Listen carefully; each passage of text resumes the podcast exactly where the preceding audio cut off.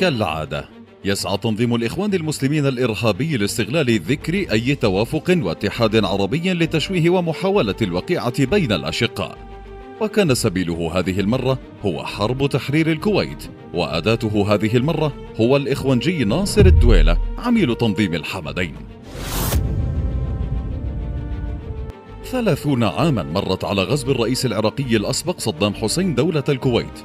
ذكرى يوم نجح فيه العرب في توحيد صفوفهم خلف المملكة العربية السعودية ودولة الإمارات العربية المتحدة وجمهورية مصر العربية لرد العدوان وحفظ الدماء.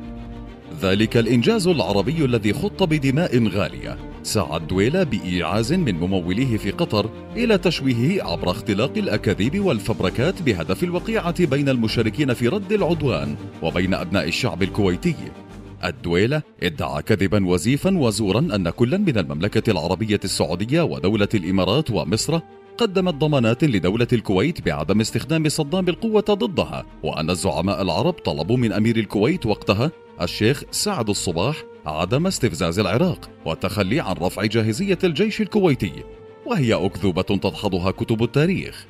المال القطري أنسى دويلة مراجعة التاريخ الذي يحكي ما قدمه العرب فداء للكويت وشعبها.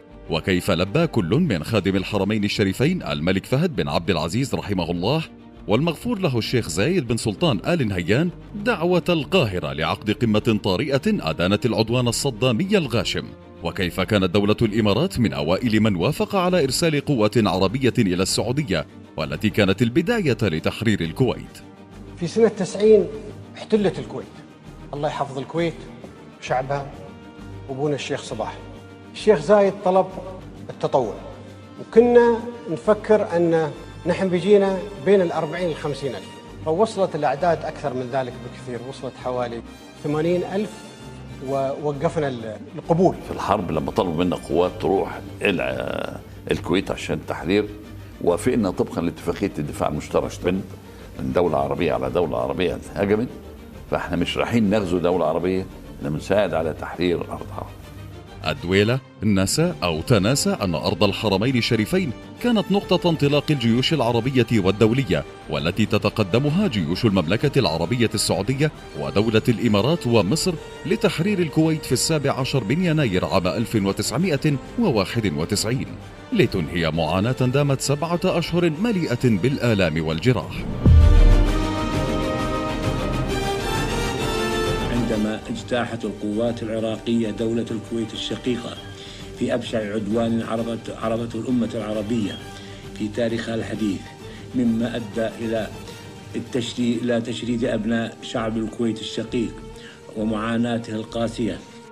الإخوانجي الكذوب لم يكتف بتشويه الدور العربي بقيادة المملكة العربية السعودية في معركة تحرير الكويت. بل ذهب إلى أبعد من ذلك محاولا اتهام المملكة العربية السعودية ودولة الإمارات ومصر بشن حرب اقتصادية غير مباشرة عبر تخفيض أسعار النفط بهدف الإيقاع بين العراق والكويت وهي أكاذيب تدحضها وقائع تاريخية لا يمكن إنكارها فهل تراءى إلى مسامع الدويلة ومموليه في قطر كيف احتضنت المملكة العربية السعودية أعمال حكومة المنفى الكويتية ودعمتها؟ أو ما عرضه المغفور له الشيخ زايد بن سلطان آل نهيان بتوظيف كل كويتي لجأ إلى دولة الإمارات بالوظيفة نفسها التي كان يشتغلها في بلاده؟ أو السعي المصري الدؤوب لحفظ أمن واستقرار الشعب الكويتي؟ فليجب الدويل عن ذلك إن استطاع ونحن نحتفي بعودة سالمين إلى أرض الوطن نتوجه بالشكر إلى الله العلي القدير الذي من عليكم بالنصر والتأييد. ونضرع إليه تعالى أن يتغمد شهداءنا الأبرار بواسع رحمته وأن يلهم ذويهم الصبر والسلوان.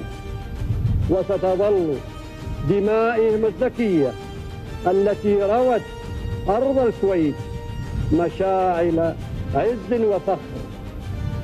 تنير للأجيال القادمة دروب العزة والمجد. تلك الأكاذيب والافتراءات التي يروج لها عميل قطر ناصر الدويلة تؤكد بشكل واضح الموقف القطري الخبيث بتحريك أذرعها لتقويض الاستقرار في المنطقة وضرب النسيج العربي الواحد والإيقاع بين الإخوة.